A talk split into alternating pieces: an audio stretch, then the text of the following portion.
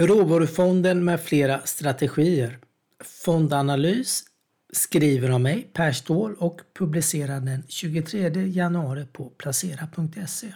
En bred portfölj av råvaror har historiskt visat sig bidra med en bra riskspridning i en fondportfölj.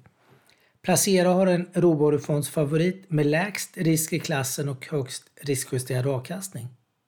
Att investera en del av portföljen i olika typer av råvaror har gett ett bra skydd mot inflationen och i tider av börsoro. Det är tack vare råvarornas relativt låga korrelation med aktier och obligationer. En bred råvaruportfölj hjälper till att minska den totala risken och höja den riskjusterade avkastningen.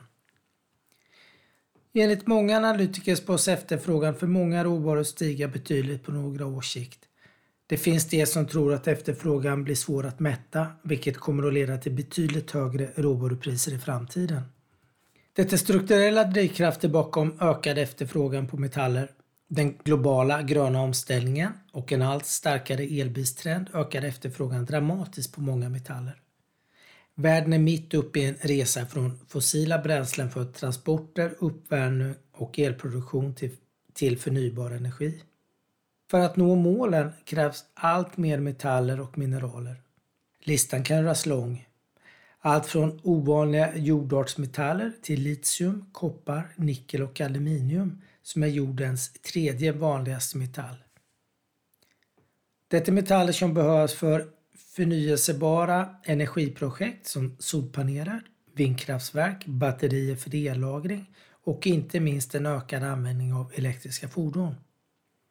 Den globala elbilsmarknaden växer kontinuerligt med en årlig tillväxttakt på 22 procent och förväntas växa från 8 miljoner fordon till 39 miljoner sålda fordon år 2030. År 2040 spås 9 av 10 bilar som sägs vara elbilar. En elbil behöver upp till 6 gånger så mycket mineraler som en konventionell fossildriven bil. Och det är bilbatteriet som tar stor del av mineralerna i anspråk.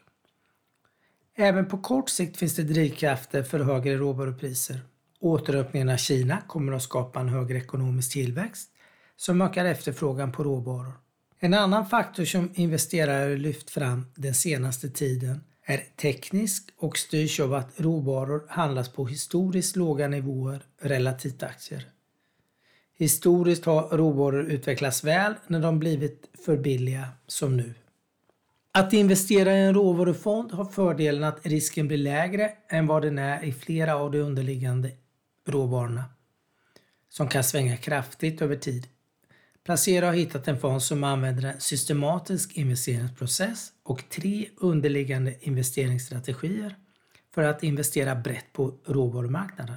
Råvarufonden Multi Corporation GAM Commodity USDB sköts från London och Zürich av GAMS team för systematisk modellbaserad kapitalförvaltning på totalt nio personer. Teamet har förvaltat systematiska råvarustrategier under 17 år. Ansvariga förvaltare Paolo Scripelletti och Danny Dingra. Fonden investerar i olika typer av råvaruderivat och inte i råvarubolag, vilket tar bort bolagsrisken som är förknippad med aktier.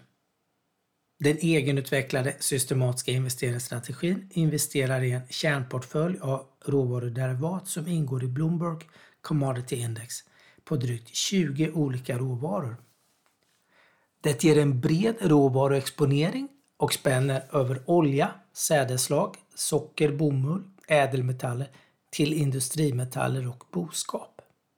Kärnportföljen utgör normalt mellan 75 och 95 procent av fondens värde och avviker till viss del från sitt jämförelseindex med målsättningen att avkasta bättre. Därutöver investerar fonden i tre olika så kallade satellitportföljer.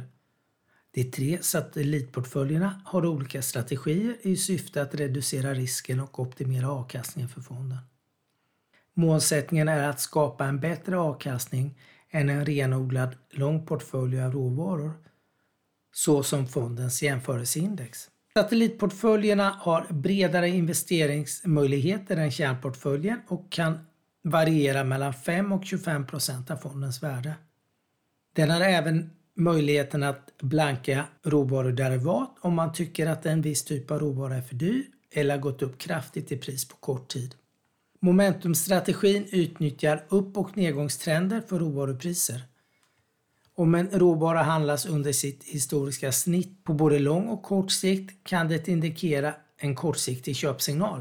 Carry-strategin ser bland annat på olika närliggande derivatkontrakt för samma råvaror som kan vara felprissatta och agera på det. Värdestrategin skapar möjligheter att investera i råvaror som är felprissatta. Som exempel kan de investera i råvaror som är undervärderade och samtidigt blanka övervärderade råvaror till priserna har normaliserats. Förvaltarna ser satellitportföljerna som ett viktigt inslag för att skapa överavkastning och utnyttja felprissättningar på råvarumarknaden. Inte minst hjälper det till att reducera risken och svängningarna i fonden.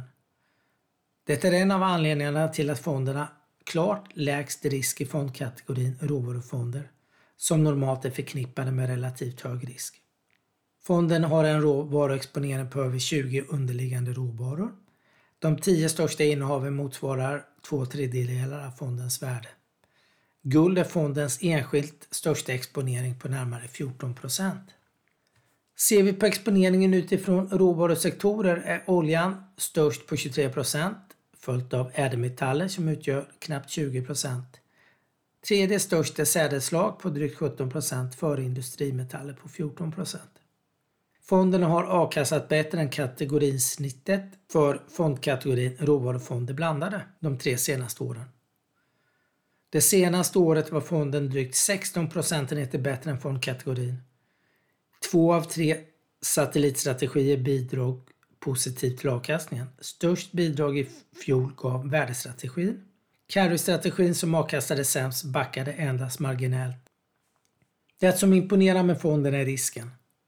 Den är i nivå med en global aktiefond och risken mätt som standardavvikelse har varit betydligt lägre än fondkategorin och den riskjusterade avkastningen är högst i klassen.